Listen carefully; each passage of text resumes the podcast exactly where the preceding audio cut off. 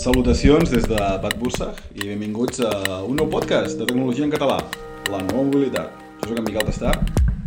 Bon dia a tothom, jo sóc en Martí Pasqual. Doncs comencem. Aquest és el capítol pilot, capítol 0. Veurem com va. En aquest podcast parlarem sobre mobilitat elèctrica, eh, mobilitat autònoma, digitalització del vehicle i, i cotxe definit per software, mobilitat urbana i alguns altres temes. Um, per què fem un podcast de nova mobilitat o de tecnologia en català? No? Um, jo personalment sóc consumidor de podcasts de tecnologia, per exemple, sóc bastant addicte al podcast d'Alex Friedman sobre intel·ligència artificial, el No Parking podcast d'Alex Roy sobre conducció autònoma o Shifts sobre, de, de, de la revista Automotive News sobre mobilitat. També, Martí, tu tens... Uh... Jo també escolto de tant en quant el um, Hydrogen Bar, que n'hi diuen, que va sobre, en general, la tecnologia de l'hidrogen, tant sigui um, a nivell de mobilitat com a nivell d'aplicacions industrials. No, no tinc tants podcasts com tu, Miquel, la veritat. Eh, Tens menys temps, potser, no? Menys temps. Eh, però sí, en general, doncs, això que deies, eh, la intenció d'aquest eh, podcast nostre de, de la nova mobilitat és de, de fer una mica de difusió de l'actualitat del sector de l'automoció a nivell a Catalunya i també internacional i, i de comentar doncs, quines són les tecnologies que estan eh, implementant-se ara de mica en mica i quin, quines, com es transforma la, el sector i la branca i també doncs, quin, quines seran les, les polítiques i estratègies que eh, faran que eh, aquestes tecnologies eh, siguin indispensables eh, i necessàries per, per tenir una mobilitat eh, sostenible i autònoma eh, en el futur. No? Per què ho fem en català? Uh, bueno, per això que hem dit, no? No n'hi no ha massa podcasts de tecnologia en català i volem posar el nostre granet de sorra. No, de fet, aquests dies estem aquí a Bad Bursag, a les, a les portes dels Alts Bavaresos, a l'Algoi, a l'Algoi suau, no, no tinc molt clar, o sigui, Suàbia, Algoi, estem a Baden-Württemberg encara aquí, i ens van dir, home, si el féssiu a Alemanya tindríeu quatre, quatre persones que us escolten, no? Ara de moment en tenim zero persones. Uh, està clar, vull dir, ten, tindríem potser un... podríem accedir, accedir a, a, a més gent, no? Uh, però, bueno, és el, la gràcia, la gràcia de tot és fer un català, no? Perquè, per això, per, per, per intentar incrementar una mica l'oferta. I de, perquè és la nostra llengua materna, no? Sí, sí, si, no, si no ho fem nosaltres, qui ho farà? Mm. Doncs, doncs això. Aviam, qui som? Uh, jo soc en Miguel Estar, soc figarenc, uh, enginyer de telecomunicacions, graduat en Economia. Des del 2007 visc a l'estranger, he viscut 10 anys a Alemanya, a Stuttgart, 5 anys als Estats Units, a San Francisco. Fa 13 anys que treballo en tecnologies relacionades, ascensors, eh, més específicament en mobilitat des de fa 9 anys i bueno, he tingut, he tingut la, la visió aquesta, de, treballant a San Francisco, del de, el boom de la, de la conducció autònoma i ara des d'Alemanya eh, també treballant-hi des d'un proveïdor de, de components i de tecnologies eh, per, per l'automòbil i per la mobilitat en general. Jo sóc en Martí Pasqual, tinc 40 anys, eh, enginyer industrial per la UPC i també per la uh, Technische Universitat de Múnich. Um, fa també més de 16 anys que visc aquí a Alemanya i he tingut um, diverses posicions a Daimler i a BMW, on treballo actualment, uh, amb diverses posicions, diguem-ne, dins del desenvolupament um, en general de, del vehicle elèctric i híbrid, he estat enginyer de desenvolupament i de projecte i ara en aquest mateix moment sóc eh, cap de projectes d'un projecte de bateries.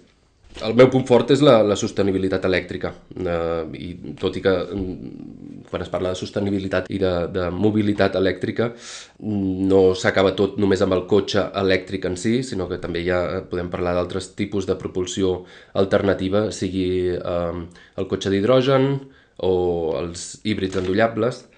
Jo, eh, sí, el meu focus serà principalment això, doncs el, el, el vehicle, um, bueno, els, el, les diferents alternatives de propulsió que tenim i tot i així intentaré també donar um, la meva visió, la meva opinió personal, val a dir, um, o sigui, quan estem parlant aquí jo parlo en nom d'en Martí Pasqual uh, i no en nom de, de la meva companyia. Um, així que, um, bé, uh, espero que, que sigui del vostre grat. Sí, uh, sí, bueno, està clar, tots, tots dos treballem, tots dos treballem en el sector i per tant aquí donem opinions personals, uh, no, no, no, no donarem només informació pública uh, i les nostres opinions són, són, són les, les nostres uh, opinions privades i no les, la, la, la, de, la, de la gent que, que ens emplea, com, com comenta en Martí. Um, jo, um, el meu, la meva experiència sobretot és en, en, en sensors, sensors per assistència a la conducció i conducció autònoma, eh, tot i que també he estat exposat a, a percepció i a altres nivells del, del stack de software eh, per, eh, per conducció autònoma. Um, i tam, o sigui, el, el meu focus serà conducció autònoma i digitalització i, i, co i cotxe definit per, per software. Sí, una cosa, eh, nosaltres treballem, jo sobretot en anglès, Martí en alemany, Uh, a vegades ens costarà treure els termes uh, en català, uh, ho intentarem, no, no, no és que siguem 11 snobs, però és que no, les, les paraules uh, de, tecnològiques en català no sempre seran fàcils de sortir, així que alguna que altra en anglès o en alemany surt... Bueno, en alemany esperem que no, perquè en alemany ho complicaríem una mica més. No, però això també és, és, pot ser un dels, els, un dels objectius del podcast, d'intentar sí. uh, normalitzar, diguem el, el, el llenguatge i eh, si teniu qualsevol comentari doncs eh, podeu fer-nos arribar eh, les vostre, els vostres comentaris, com dic, o també les vostres correccions. Ajudeu-nos perquè, clar, vull dir, el dia a dia aquí eh, ho parlem... Eh, diguem-ne, la feina, dins de la meva feina, és gairebé tot el 100% en alemany, eh, amb la qual cosa podria ser que entrés algun eh, anglicisme o, eh, no sé si es diu germanisme, mm. eh, germanicisme, eh, amb la qual cosa perdoneu-nos això i intentarem anar millorant-ho, anar corregint-ho de mica en mica.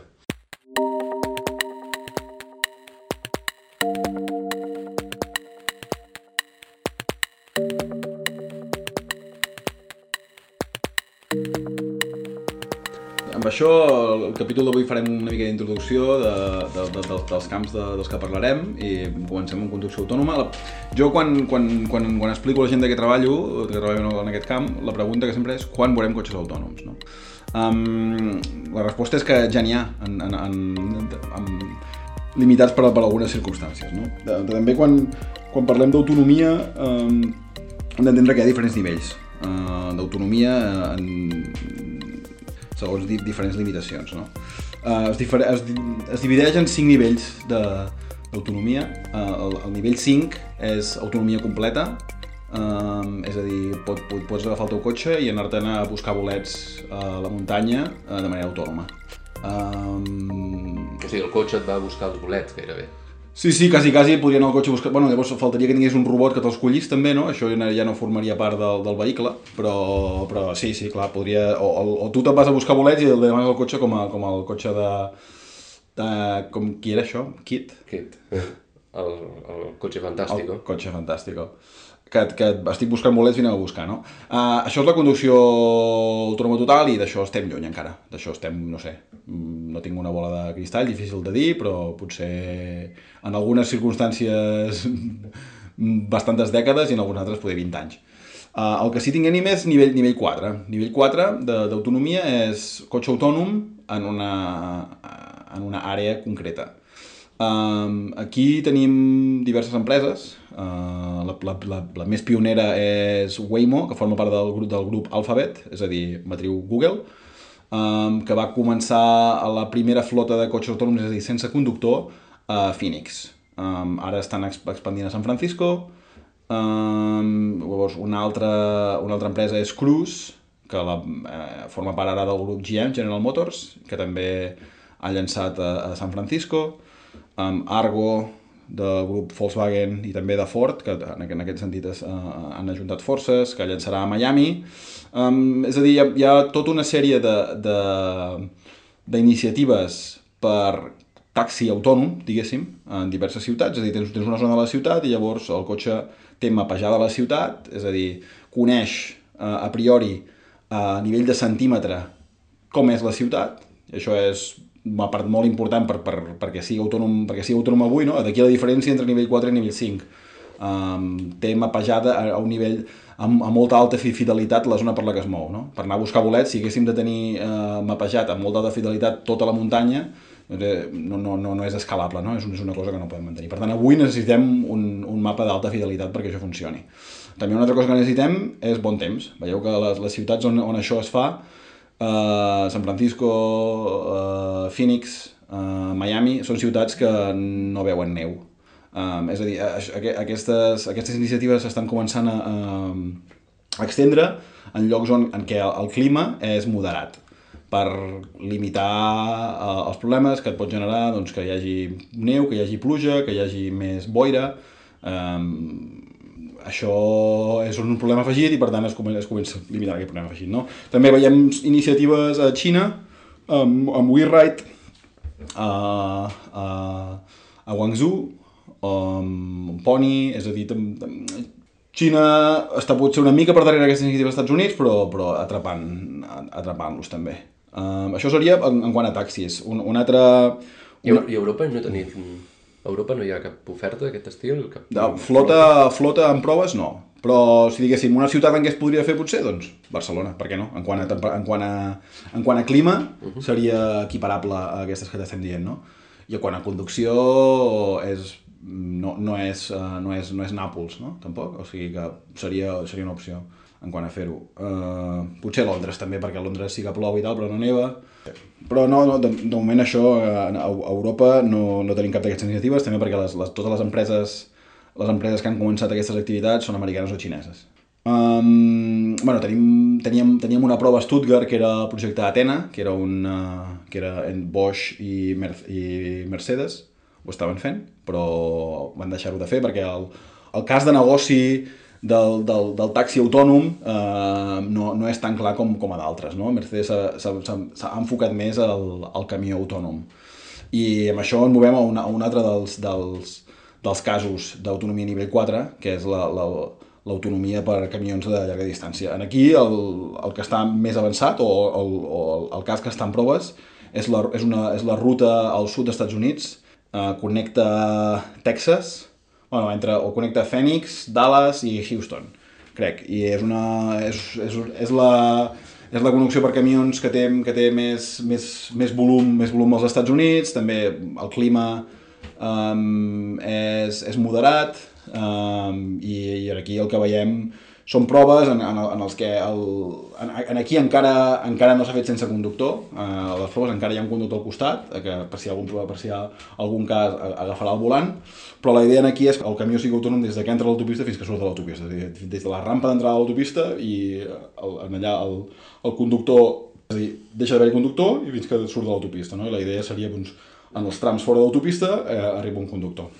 Um, el, en aquí el, el cas de negoci eh, és, és més, més clar que en, el, que, en, que en el taxi autònom i per això moltes empreses han, han fet com el, han, han canviat de taxi a camions, no? Um, Waymo de Google ho ha fet, Aurora, una altra uh, startup pionera en aquest sector també s'ha mogut del, del taxi al camió um, i per tant sembla ser que uh, uh, l'autonomia nivell 4 escalarà abans amb els camions de llarg abast que amb, que amb taxis. No? Fa 5 anys semblava que els taxis autònoms havien d'estar de, tot arreu i de, ser, i de tenir volums de centenars de milers, um, però, però això no ha acabat de realitzar-se perquè és més com, perquè el software de percepció no està tan avançat com es pensava que estaria fa 5 anys i per tant necessitem aquest, aquest mapejat a nivell de centímetres, amb el qual no pots escalar-ho a totes les ciutats i, uh... i, a, I a part, um, si tens taxis autònoms donant voltes tota l'estona esperant que vingui algú a buscar-los, al cap i a la fi um, pot ser contraproduent a l'hora de reduir el trànsit no? en una ciutat o també a nivell de sostenibilitat. Vull dir, si els tens tota l'estona donant voltes uh, i uh, buscant quines són les zones on probablement hi vindrà un, uh, un passatger, no? Mm. Uh, vull dir, en, uh, això ja passa avui amb, el, amb Ubers i Lyfts, no? I això ho fan conductors que no tenen un algoritme. Uh -huh. Se suposa que amb cotxes autònoms això hauria d'estar una mica més optimitzat, no? Doncs de que, de que no estaran donant voltes en, en plan random, com, uh -huh. com fan alguns de conductors avui, sinó de manera... Però sí, sí, clar, és un, és un de, Vull dir, el, el, el conductor típic de, de taxi de Barcelona que estan eh, donant, o, o esperant vull dir, jo mm. penso en l'aeroport, no? Sí. És claríssimament allà el, les parades de taxis plenes de, de taxistes esperant que eh, els hi toquin ells. Eh, clar, amb el, amb el cotxe autònom, amb el, robot, amb el robot taxis que li dius tu, no? eh, canvia completament, no? Mm. Per això que no sé fins a quin punt les ciutats estaran interessades a tenir aquest tipus de, de sistema eh, circulant per, les, eh, pel, per la ciutat. Um, el, cas és que uh, un taxi autònom, un cop sigui a escala, ha de ser molt més barat que un taxi normal. Uh -huh. Perquè no tens el conductor, que és el factor uh, que el, no, és, és, el, és, és, és el més car d'un taxi, no? Salutació al gremi de, de taxistes. de taxistes. doncs això, clar, vull el, el, et, et pots estalviar el conductor, no? Llavors, si t'estalvies el conductor i és molt més barat, llavors fas que la gent pugui permetre's no tenir un cotxe. Perquè si és tan barat tenir mobilitat uh, de servei, no? És a dir, quan tu necessites moure't d'un punt a un altre, que sigui una mica llarg, doncs tinguis un cotxe autònom que és molt barat i ho pots fer amb cotxe autònom, això fa que hi hagi menys cotxes a les ciutats, no? Llavors tot aquest espai que alliberes de cotxes aparcats el pots utilitzar per fer una altra cosa. Per tant, aquest és un... Això Una opció, sí. et, et, et revoluciona l'urbanisme, no? Vull dir, a, a dia d'avui tens una quantitat d'estructures de metall que les fa servir un 5% del seu temps eh, ocupant espai públic, no? I llavors si tens serveis que, que són barats i que et permeten fer això, doncs, doncs és així. Però clar, Vist des d'aquest punt de vista, clar, llavors seria que sí. Uh, va, doncs tenim els, els camions. Perdona, tot i així, camions, um, has anomenat també eh, empreses americanes, uh, jo sempre focus a Europa, um, Sí, jo- jo encara- jo encara estic allà. Treton, Volvo, Treton, Sí, um, Mercedes... Trayton té un acord amb TU Simple, que és una empresa xinesa-americana, uh, per, o sigui que com, començaran amb el cas dels Estats Units, però després volen, volen fer Europa, però això encara no ha funcionat. Uh, Mercedes també té el focus als Estats Units, uh, tenen l'activitat a, a la costa oest dels Estats Units també pel, pel camió autònom. I després hi ha, oh, hi, ha, hi ha una startup sueca, Einride, de camions autònoms, que uh, està, està generant bastanta atracció, però també comença amb les proves més als Estats Units. És a dir, el, el focus de la- de l'activitat... O sigui, sembla que el mercat que està més preparat ara mateix per, per fer això um, és als Estats Units. um, degut al volum, el, el volum que hi ha en una zona concreta, en aquest, aquest, aquest, eix, aquest eix del sud, no? I també el Texas um, ha afavorit la regulació per a poder-ho fer, Hi ha un cert interès. hi ha un cert interès en què això passi allà. Molt bé. I uh, llavors, estàvem encara Estem, nivell... a, estem a nivell 4 Nivell encara. 4. Anem, Nivell 4 anem teníem camions de llargs, enrere. teníem, teníem camions de llargs abast. Doncs Ara també tenim l'última milla, que en diuen, no? Que és... Uh, tu tens uh, el teu paquet de- d'Amazon que, que, que, que et porten a casa, avui te'l porta un conductor, abans era amb una furgoneta de combustió interna, ara més a més Elèctric. furgonetes elèctriques. El següent pas és que no hi hagi conductor. També salutacions al gremi de, de conductors De camions, de, de camions distribuïdors, i distribuïdors en aquí empreses xineses i empreses americanes també, les xineses estan bastant endavant en aquest sentit, on tenim Meituan a Xina, Nuro als Estats Units um, la, la, la idea aquí és tenir doncs, una, una, una furgoneta amb, amb diversos com calaixos mm, és a dir, com, com, com avui com, com són això, el, Amazon, no? Amazon Les guixetes les aquestes. guixetes aquestes, sí. Llavors, doncs, el, el, el camió et vindrà davant de casa, tu baixaràs, eh, posaràs el codi i t'agafaràs el paquet d'aquí, no?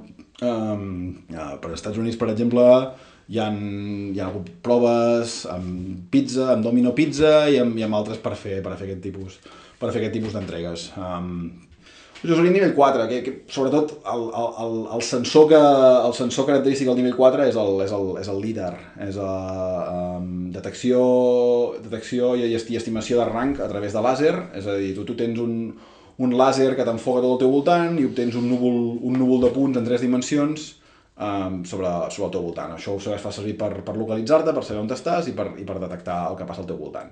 A part de líder també tens radar, també tens càmeres, però la clau perquè nivell 4 funcioni avui és el, és el líder, no? La senyal és làser, uh -huh. és a dir, és un làser enfocat, llavors tu aquest làser el mous al teu voltant, ja sigui de manera, de manera mecànica o de manera electrònica, uh -huh.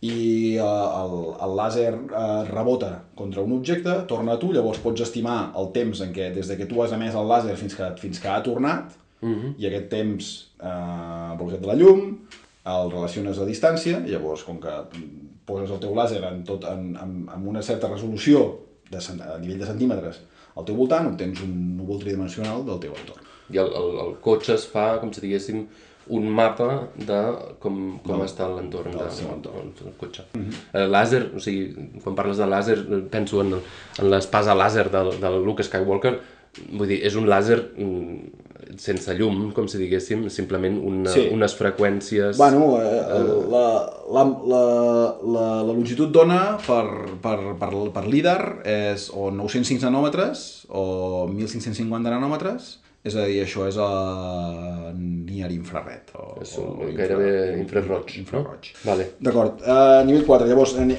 pas, passem a nivell 3. Nivell 3 ja és amb cotxes que pots comprar tu, no? Uh, el, el, el primer cotxe nivell 3 que està sortint al mercat és el cla classe S de Mercedes, aquí també té un, té un líder a la part de davant del cotxe que, que, que et permet fer això, doncs, el, el núvol de punts que tens al teu voltant i la, i la, la, la funció que fa eh, que, que, que, tens amb nivell 3 és, eh, o, o, o, i específicament amb el vehicle aquest que està, eh, de, de Mercedes que està sortint, és eh, assistència de eh, Staupilot, en alemany, en català seria assistència de eh, embotellament, De, o embús, de- assistència d'embús, no? No sé com li, com li diem. Bàsicament, bàsicament la- la- l'avantatge de nivell 3 és que pots treure les mans del volant, però has de seguir despert i has de seguir eh, atent al que està passant. De fet, tens un, tens un sistema que t'està monitoritzant, que, que, que monitoritza que no t'adormis i que puguis tornar al, al volant quan, quan sigui necessari, però no cal que tinguis les mans al volant. Una, amb una càmera que et mira els ulls. Amb una aviam càmera si que et mira els mirant. ulls, amb sistemes d'infraroig també, també radar que t'enfoca tu i et detecta eh, Si hi ets. el batec del cor, senyals vitals, hi ha Que no estàs dormint. diversos sistemes per, No? Detectes que no estiguis... Bàsicament vol detectar que no, que no estiguis dormint, sí. Mm. Um, I... Ah, doncs, doncs, doncs això, eh, comences a tenir vehicles que pots comprar i fer, i, fer, i, fer això. Per exemple, tenim Tesla, no? Tesla que ho ven com a uh, Autonomous Pilots, com a pi- pilot autònom. Realment el que ven Tesla és un nivell 2, no és un nivell 3. És a dir, um, has d'estar... Has, has, de, has de seguir pendent de la carretera i has de seguir amb les mans al volant. Uh, Aquesta seria la diferència, no? Les Seria- mans, les mans al volant, Sí. perquè, o sigui, la diferència entre nivell 2 i nivell 3 és eh, pendent de la carretera has d'estar-hi sí o sí, En, en, en dos casos, no, no com a nivell 4, que ja no cal que pots, si t'hi podries estar dormint, com els, els peus els pots tirar enrere pots els peus enrere. i al nivell 2 has de tenir les mans com a mínim de tant en quant a sobre el volant Sí. Nivell 2 és, és una experiència de, amb cotxes que, que potser mm, tots, bueno, que molts l'hem tingut, o de cotxes que hem llogat o que, que hem conduït, no? És a dir, tu treus les mans del... poses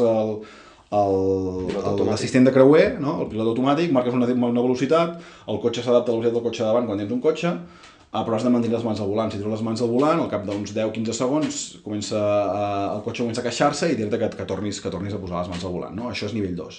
Um, aquesta, aquesta funció. La, la, la diferència amb nivell 3 és que tu pots estar en un, en un, en un embús de trànsit i pots, pots oblidar-te de que estàs conduint completament. No? pots dedicar-te a mirar el mòbil, eh, contestar e-mails o simplement, jo què sé, no sé, llegir un llibre o mirar una pel·lícula en principi. Serien opcions. Sí, bueno, de, de, de, depèn de com ho tingui definit el, el, el constructor de vehicles en concret, quin sigui el sistema, no? Vull dir, pot, pot ser que, et- que, que, que et demani que estiguis, que estiguis més o menys atent, és a dir, si et poses a mirar una pel·lícula, doncs potser, eh, potser detectarà que fa massa estona que tens els ulls mirant la carretera, però això ja és de- depenent de l'aplicació que tinguis. M'agradaria eh, recapitular sobre, sobre autonomia, no? hem començat des del nivell 5, eh, potser una, una manera més fàcil de, de veure-ho ara és des de, de, de 0 a 5 també, no? Eh, tenim, nivell 0 és, no hi ha autonomia, és a dir, fa servir els peus, fa servir les mans, fa servir els ulls i fa servir el, la ment per conduir. Passem a nivell 1, a nivell 1 és quan pots treure el peu del pedal, és a dir, pots fer Uh, pots definir la velocitat del cotxe, però el cotxe no s'adapta a la velocitat del cotxe de davant um, i, tens, i tens assistència a la conducció. Uh, és a dir, frenada d'emergència um, i, i, i en, en, assistent d'angle mort, és a dir, que, que et marca, et, et, et, marca uh, si, si tens algun vehicle en, en l'angle mort o no. Això seria el nivell 1. El nivell 2 són, és assisten, uh, assistència avançada a la conducció i en aquí ja pots començar a treure uh, la, les, les mans del volant. És a dir, el cotxe, el cotxe t'accelera i et, et, frena, i et frena sol, el cotxe et pot canviar de carril, però eh, has de tornar a posar les mans, o sigui, les pots tenir durant un temps fora, però has de tornar a posar les mans al cap d'un temps.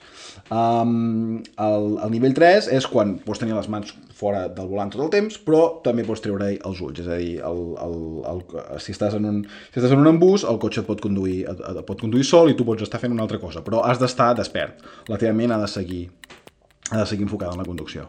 O ha- has, has de seguir eh, estan connectats per si has de tornar, depèn del control del vehicle. A nivell 4 pots desconnectar la ment, és a dir, el cotxe eh, dintre d'un espai definit, que és això el, el que et defineix el, el 4, eh, o d'un domini, domini operacional que en diuen, eh, tu pots desconnectar completament i estar dormint o, no, o que no hi hagi conductor eh, al, al vehicle, no hi hagi volant, no hi hagi conductor al vehicle. Aquesta és la diferència a nivell 4. I a nivell 5 és això, però a tot arreu. És a dir, que no, que no està limitat per, per espai.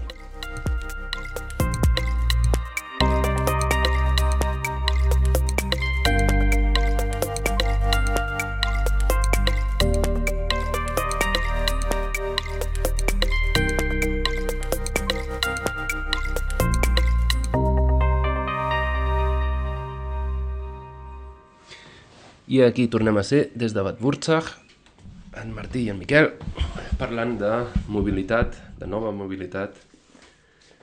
Um, hem parlat una miqueta de, del cotxe autònom i ara passem a la base dels de, els cotxes elèctrics, um, on intentaré fer un petit resum de, de la història del, del cotxe elèctric i um, bueno, doncs, una miqueta um, apuntar quins seran els temes que parlarem en el futur.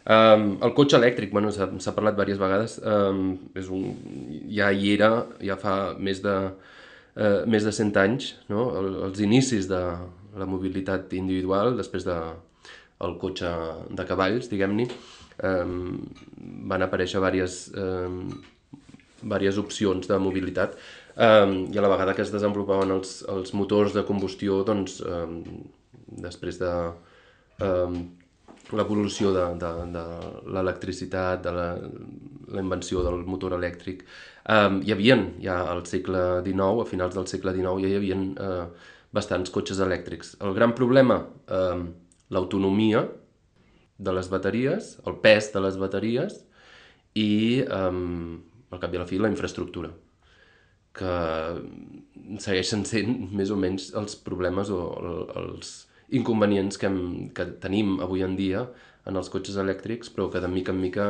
gràcies a certes tecnologies, estem superant i estan fent que el cotxe elèctric avui en dia doncs, sigui um, una realitat.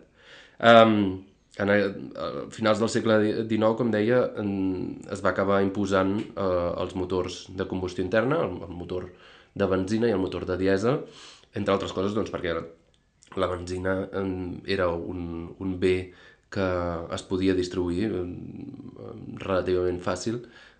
Bé, eh, van passar molts anys, va eh, venir Henry Ford, eh, va fer que el cotxe es pogués eh, comprar en massa, que fos assequible i abestible per, per moltíssima més gent, i al llarg dels anys, llavors cap als anys 70, amb la, amb la crisi de, del petroli i el, el, després de la dècada dels 80 i principis dels 90 i van haver cada cop més regulacions que el que van fer va ser que l'impacte eh, mediambiental de, dels vehicles i del, diguem dels, dels gasos de, dels vehicles eh, doncs intentar-lo regular, intentar regular també el consum, que al cap i a la fi eh, doncs, eh, era un dels causants d'aquesta pol·lució. Um, què va passar? Llavors, doncs, mm, els constructors van anar eh, pensant en alternatives, els constructors de vehicles van anar eh, fent petites proves, petits prototips de, de cotxes híbrids, elèctrics, fins i tot de, de pila de combustible, um, i um, tot i així estàvem parlant de tecnologies um, molt, molt cares, i um, és a finals del segle XX, a finals de, dels anys 90, quan comencen a aparèixer eh, alternatives reals que es poden, diguem-ne, eh, comprar al mercat, no? Eh, hi va haver de, doncs, de la General Motor, el, el, el EV1, que li deien, eh, va ser una petita flota de, de cotxes elèctrics i més endavant va aparèixer eh, a través de, o de la, de la marca Toyota, el, el primer cotxe híbrid eh, en sèrie, el Toyota Prius, que a partir del 1997 va anar guanyant mercat i que el que havia de fer primer de tot era una alternativa al cotxe de, de motor dièsel amb una autonomia llarga um, i amb un consum relativament baix. Però tot i així, Toyota Prius um, amb combustible de benzina um, i amb la qual cosa doncs, potser amb menys problemes de um, mediambientals en el sentit de el, dels gasos d'escapament.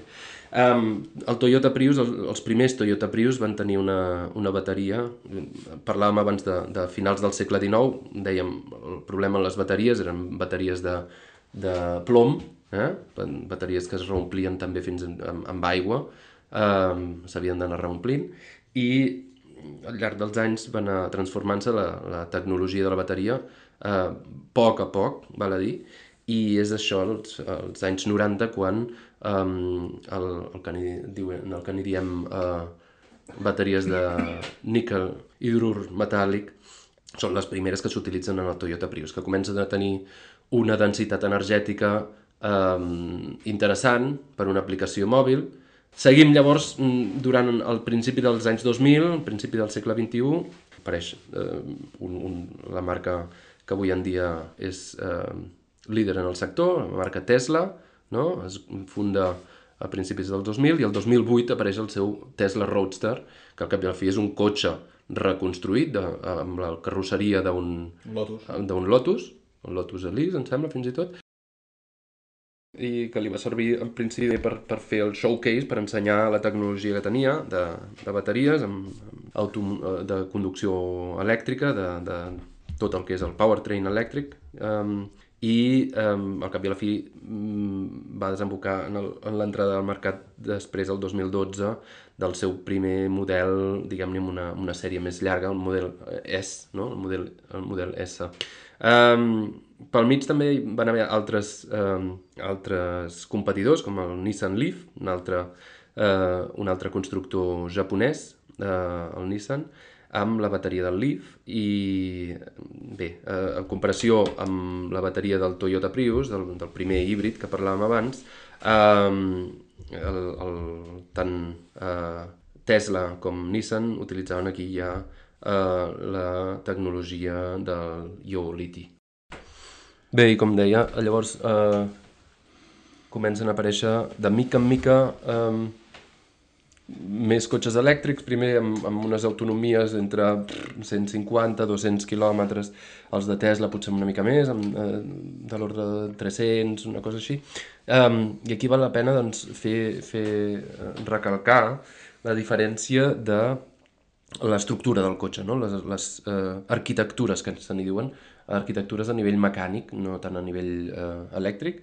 Um, és a dir, hi ha les, el que se n'hi diu en anglès el uh, purpose build, la, la, cotxes que estan realment dedicats a l'estructura, tant la carrosseria, el xassís i tot, a que siguin cotxes elèctrics de debò. No? Que siguin, eh, I en canvi, doncs, la, això en comparació amb el que se n'hi diu conversion, cotxes reconvertits, d'una estructura tradicional eh, per tenir motors de combustió interna eh, i eh, doncs, els, els, les empreses al principi quan veien doncs, que estaven, eh, volien oferir eh, aquests models elèctrics eh, com que diguem-ne el, els, eh, els, eh, les vendes es prognosticaven més aviat baixes no? eh, doncs llavors eh, s'agafava ja l'estructura de, del cotxe que teníem eh, motor de combustió i simplement s'intentava eh, in, integrar la bateria els, i els motors elèctrics. No? Um, això, mm, bé, de mica en mica hem anat veient doncs, que um, Tesla, per exemple, ja ho va fer des d'un principi amb el Model S, um, però també uh, cada cop més doncs, això, el Nissan Leaf ja, ja era un, purpose build, que n'hi diem, no? un cotxe amb arquitectura dedicada, i um, BMW el 2013, per exemple, um, uh, treu al mercat el, un, un um, model que a nivell uh, d'Alemanya, però també a nivell mundial, va ser revolucionari, que va ser el BMW i3, no? una marca com BMW eh, que es va atrevir doncs, a fer aquest cotxe molt més urbà, amb una... tant tant l'arquitectura com, com el disseny eh, va trencar esquemes una miqueta.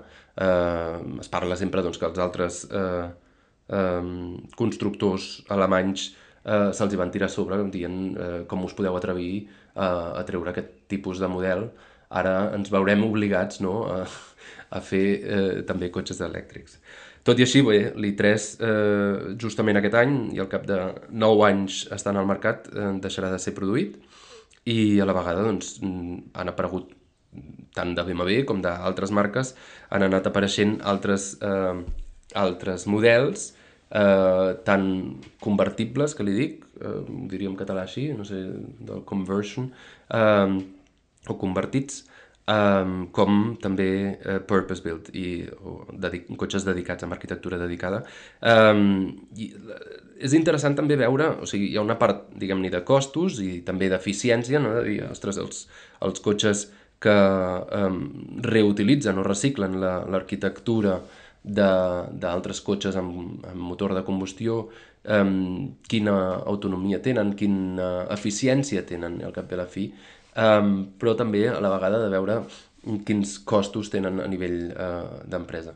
Mm, intentarem anar-ne parlant en els propers capítols i anirem mirant exactament doncs, que cada cop més uh, les empreses uh, veuen que hi ha doncs, un, un model de negoci en el cotxe elèctric. Estem ara mateix, després de la pandèmia, després, o mentre hi ha eh, la crisi de la guerra d'Ucraïna, estem veient una revolució mm, brutal en el mercat, estem veient que eh, està passant una miqueta la, la disrupció, que cada cop més es venen més cotxes, eh, no només híbrids, els híbrids no n'he parlat massa, o híbrids endollables amb una autonomia, doncs això, entre uns 30-50 quilòmetres fins a 100 quilòmetres elèctrics eh, d'autonomia. Eh, i, i ara estem veient doncs, que cada cop més, eh, sobretot amb els preus de, del combustible, que cada cop més hi ha més eh, gent que està eh, triant l'opció del cotxe elèctric, del cotxe híbrid endollable. No? Um, sí, fins i tot països com Noruega, on hi ha dos terceres parts o més de dos terceres parts dels cotxes que es venen avui ja són elèctrics. Um, vull dir que estem, estem veient uh, països on, on aquest, aquest, aquest canvi del cotxe de, combust, del cotxe de combustió al cotxe elèctric ja, ja, ja, ja són més de la majoria de cotxes elèctrics no? I, i, i, i això s'està accelerant ara. No? Un, un, un, una cosa és que jo fa, com fa un any o així jo veia com que Xina eh, estava per davant que d'Europa, no? i això potser està canviant ara, Martí? Sí, aviam, el que estem veient sobretot és... Um Clar, al principi d'aquesta tecnologia, la tecnologia del cotxe elèctric és molt costosa i el que hem vist és que molts països han eh, ajudat, han creat polítiques eh, per ajudar a, que, a la introducció del cotxe híbrid, el cotxe elèctric, eh, perquè, diguem-ne, per reduir la pol·lució, al cap i a la fi, que és un, un bé eh, la salut pública, no? Um, I hem vist doncs, que, uh, començant per Califòrnia, ja als anys 90 uh, eh, s'han anat fent regulacions. No? I la Xina jo crec que hi ha, hi ha dues parts. Per una banda, hi ha el, el, el que dèiem, el bé públic de la salut pública, la reducció de, de l'impacte mediambiental de, i la Xina, a més a més, eh, amb un creixement eh, exponencial de les vendes de cotxes perquè venia d'una societat poc motoritzada i al, al llarg dels, de les últimes eh, dècades s'ha augmentat eh, bestialment el, el nombre de eh, vehicles per habitant, eh, arribant més o menys, encara no, eh, al nivell que tenim aquí a Europa. No? Eh, llavors, Xina jo crec que ho ha fet mm, amb dues vessants. Per una banda, la part eh, més aviat eh, medioambiental mm. i, i de salut pública, però a la vegada també com a estratègia industrial, de dir, doncs... Liderar eh, el sector, no?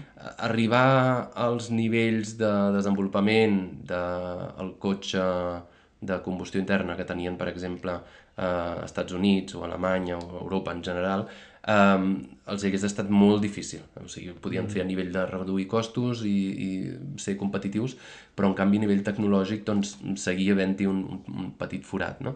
I en canvi el, el, el vehicle elèctric i el, el, la tecnologia de les bateries, jo crec que aquí eh, Xina ja ha invertit moltíssim, ja fa més de 10 anys que inverteix i fins i tot ha, ha passat per davant el que eren eh, els, els mercats, o els, no només els mercats, sinó els, els països líders en desenvolupament de bateries, que eren el Japó, que eren eh, Corea, no? I, I en aquest cas, doncs, eh, la Xina eh, ha vist eh, en si una, un, una possibilitat de, eh, estratègica de, de passar a davant i doncs, és per això doncs, que també hi havia no només incentivació a l'hora de, de comprar els cotxes, um, sinó també incenti incentius a l'hora de, de tirar endavant empreses que es dediquessin a això.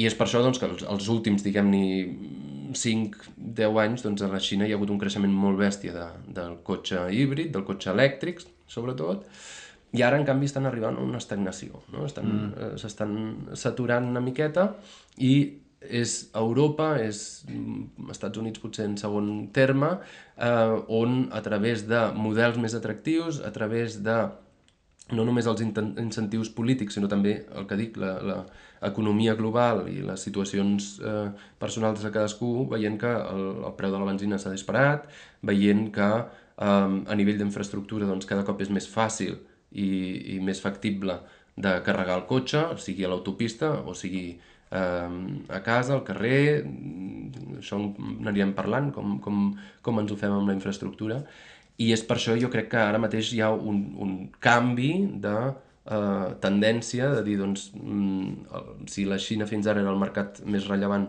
a nivell de cotxe elèctric, ara estem passant eh, una miqueta més cap a, cap a Europa mm. i, i diguem-ne, eh, als països occidentals. Mm -hmm. um, on anàvem? Uh, a nivell de models, ja dic, cada cop més tenim models atractius, no només a nivell de disseny, sinó a nivell uh, també de, de bateries, d'autonomies. Uh, estem veient uh, que la, la, les tecnologies de bateries han arribat a, a una densitat um, prou elevada, estem parlant de, de l'ordre de 200 watts hora per quilogram, o fins a 300 en, en, en el cas de la cel·la. Um, estem veient nous actors, com abans parlaves també de, del de cotxe autònom, estem veient molts, uh, moltes startups que estan uh, traient uh, nous cotxes, nous model, models i entrant al mercat i fent la competència a les marques tradicionals. Uh, un exemple ben clar um, ve de la, no, o sigui, no parlem ja de Tesla, que és el líder del sector, però també estem parlant, de, per exemple, de uh, NIO, per exemple, una empresa, una startup um, xinès, xinesa, um, que està um, entrant no només al mercat xinès, sinó per primera vegada, i això és potser rellevant, una empresa xinesa que comença a, a vendre cotxes en, un, en una manera d'una manera rellevant al mercat europeu, no? Com a mi és aquest el, el, que, el que estan anunciant i que volen fer. Um, de Nio en parlarem potser un altre dia més, més en tranquil·litat, perquè a més a més tenen diversos, diversos punts interessants. El fet de que uh, apostin per la bateria recanviable, per no només uh, estacions de càrrega, sinó estacions del que n'hi diuen battery swapping, no? de canviar la bateria, és a dir, um, entres com en un túnel, túnel de rentat, et treu la bateria i et posa una bateria, quan la bateria està buida, i et posa la bateria plena i pots seguir amb autonomia. Mm, Renault volia implementar aquest model també, crec, no? I Renault ho tenia amb el que n'hi deien el Better Place, mm. que era un, un, uh, una empresa que va sortir també a finals dels 2000, um, però va fracassar a nivell econòmic i de, de business case, perquè um, fins ara doncs, la majoria de constructors han dit um, o s'han decidit en contra d'aquest canvi de, de la bateria. Mm, hi ha raons mm, concretes, diguem-ne, d'estratègia de producte, però també hi ha raons de logística, claríssimament, no? Vull dir, si les bateries no estan normalitzades, igual mm. que no estan normalitzats els, els motors de combustió interna, mm. excepte en la Fórmula 1, potser, però eh, mm. en el sentit de, de si tenim bateries per diferents cotxes, eh, seria molt complicat eh, tenir reserva d'aquestes bateries a qualsevol estació de servei o estació de, de recàrrega de bateries. No? Amb la qual cosa, jo crec que aquest és un dels temes, mm, però si una empresa com NIO es crea la seva pròpia infraestructura mm, diguem, igual que ho va fer Tesla amb els seus supercarregadors, el Supercharger, doncs pot ser un, un, com a mínim una idea interessant que ja et dic, ens la mirarem potser amb més, més uh -huh. uh, detall en un dels propers dies. Um, què més? Uh, ja dic, les densitats van canviant, la seguretat de les bateries va augmentant cada dia més, um, es parla molt sovint, oh, les bateries poden cremar. bueno, també els cotxes de, de combustió poden cremar, en principi, però hi ha mesures de seguretat, tant en un cotxe de combustió com en un cotxe elèctric, hi ha unes, unes reglamentacions molt clares, no? de dir, bueno, s'han de fer uns tests eh, eh, determinats per poder portar un cotxe amb una bateria, amb una certa bateria eh, al mercat. Hi han regulacions a nivell de, de Nacions Unides a l'hora del transport de les bateries, per exemple. S'han de, de fer tota una sèrie de tests, tant elèctrics com mecànics, eh, per superar-ho i hi ha unes regulacions eh, importants, cada país són diferents, però hi ha, eh, tot i així, el, el que n'hi diem, el, el, el, eh, ara ho diríem en alemany, l'estàndard tècnic, no? el, el, el state of the art, state of the art i el, el nivell de, de tecnologia que tenim avui en dia, doncs que en principi eh, arriba en uns nivells de seguretat independentment de quin país estem introduint aquesta, aquestes bateries. Tot i així, és clar, és, és un tema que ens haurem de mirar i eh, a nivell de compromís, cada cop que hi posem més energia en una bateria, doncs eh, en cas de, de fallada, de, doncs, més eh, possibilitats tens de tenir un risc d'incendi. No? Eh, com dic, hi ha mesures, hi ha mesures a dins de la bateria, hi ha mesures a dins de la cel·la, hi ha mesures a fora de la bateria, en el que és la, la coberta de la bateria, de tal manera doncs, que cada cop, eh, o sigui, tot i augmentar la, la densitat energètica de les bateries i tot i augmentar cada cop més cotxes al, al parc mòbil i, al, i als mercats, doncs que no hi hagin problemes realment, no? Que sigui un, és un, eh, puc dir claríssimament, són eh, tecnologies segures, són tecnologies eh, aprovades i eh, no tindrem més eh, fallades o més problemes en principi en aquest sentit que els que ja tenim amb el cotxe de combustió. Que, mm? Això seria, diguem-ne, la introducció que, que teníem prevista, que tinc prevista jo a nivell de, del cotxe elèctric, d'anar-ne parlant, com dic, eh, de parlar també doncs, eh, tot el que és la infraestructura de càrrega, Um, I les, les empreses catalanes uh, que, que tenen impacte en aquest, en aquest sector, exacte, no? Exacte. Wallbox potser seria la més... Sí, Wallbox està... Uh, uh, a l'ordre del dia, no? Fa, fa poc que, a més a més, que van presentar la seva nova fàbrica a Barcelona. Um, però també podríem parlar de Cir Control, no? que és una altra empresa rellevant en el sector del, dels carregadors. I més enllà d'això, doncs, la notícia de fa poc, poc, pocs dies um, de la creació de la nova, o la, una de les primeres uh, Gigafactories, de, de la primera um, uh, fàbrica de bateries d'Espanya, a València, a València exacte, i que demostra també doncs, la intenció doncs, cada cop més eh, a Europa, eh, que estem veient el creixement importantíssim d'aquestes fàbriques, uh mhm. -huh. eh, que són, diguem-ne, la base per al cotxe elèctric, sigui de, de, la, de la marca que sigui. No? Uh -huh. Um, I això, anirem comentant eh, les notícies que vagin apareixent d'aquest estil, anirem eh, també, eh, ho intentaré anar explicant com funcionen les bateries, quin, quins desenvolupaments veiem a, a curt i llarg termini, i més enllà d'això, molt important, um, també ens mirarem les altres tecnologies, mirarem uh, la, la pila d'hidrogen, mirarem la infraestructura d'hidrogen, que és un dels, dels grans temes, i potser també eh, mirarem doncs, que pot ser l'hidrogen un dels grans, eh, de les grans aplicacions, potser no tant per al, al vehicle privat del dia a dia, sinó també una miqueta en el sentit que deies abans, eh, els camions mm. o de gran tonatge o altres aplicacions potser així mm -hmm. eh, de mobilitat, eh, però eh, més aviat del transport de mercaderies i no tant de transport de persones. Mm. Doncs, doncs aquests, aquests són els grans temes que els temes principals que volem tocar en aquest podcast, no? autonomia, electrificació, però també mobilitat urbana, micromobilitat... Eh... Sí, bé, en aquest sentit Uh, estem una mica... Uh, oberts a aprendre, també, oberts a aprendre. I, i, i, a, veure, a, veure, a veure qui, a qui, a qui, uh, qui aquí qui està interessat en, en venir a parlar amb nosaltres aquí, no? La, la, la idea és fer un gravar cada... Bueno, o, o, o treure, treure un episodi cada dues setmanes. En farem alguns només jo i en Martí mm, quan tocarem temes d'actualitat o, o, o temes, temes específics eh, eh, eh, dels, que, dels que volem dedicar un capítol, però intentarem portar, bueno, gent, aviam, aviam, aviam qui vol venir, no? Martí? Aviam, aviam. Nosaltres convidarem, convidarem a gent, o sigui, la idea és convidar a gent eh, a professionals eh, rellevants del sector, catalans, eh, catalans eh, principalment, principalment, però bé, ja anirem veient com evolucionem, eh, i més enllà d'això, doncs, mm, doncs preguntar-los eh, com veuen el sector, quines són les tendències que podem veure, eh, i com s'està com transformant tot aquest sector de l'automoció, no? que realment eh, ocupa eh, a molta gent el dia a dia, que tenim tots, mm, tant si anem amb, amb o sigui, també podríem parlar, abans parlaves de, de la mobilitat uh, urbana, no? també podem parlar del transport públic, també és elèctric el transport mm. públic, no? també és uh,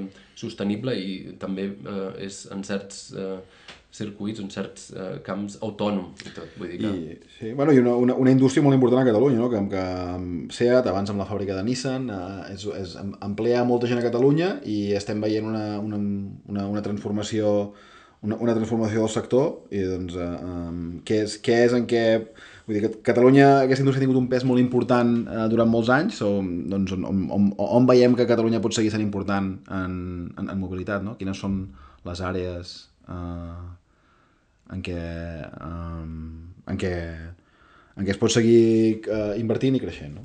Sí, aquest, aquest seria el nostre, uh, la nostra aportació, petit granet de sorra que podem apartar en, el, uh, en aquest tema des de l'estranger. No? Nosaltres uh, vivim tots dos a, a Alemanya, tenim una visió, intentem mantenir una visió relativament global, però clar, estem uh, també una miqueta influenciats per mm. el, el dia a dia de la feina aquí. Um, i, i res, estem oberts també a les, als vostres comentaris, a les vostres opinions. Um, esperem que, que tingui un bon seguiment aquest podcast i, i que sigui no? que sigui prou interessant per a tothom. Ah, sí, no ens ho, ja ens ho passem. Encara que no ens escolti ningú, tu i jo ens ho passarem bé. Bueno, sí. Fem una mica de ioga.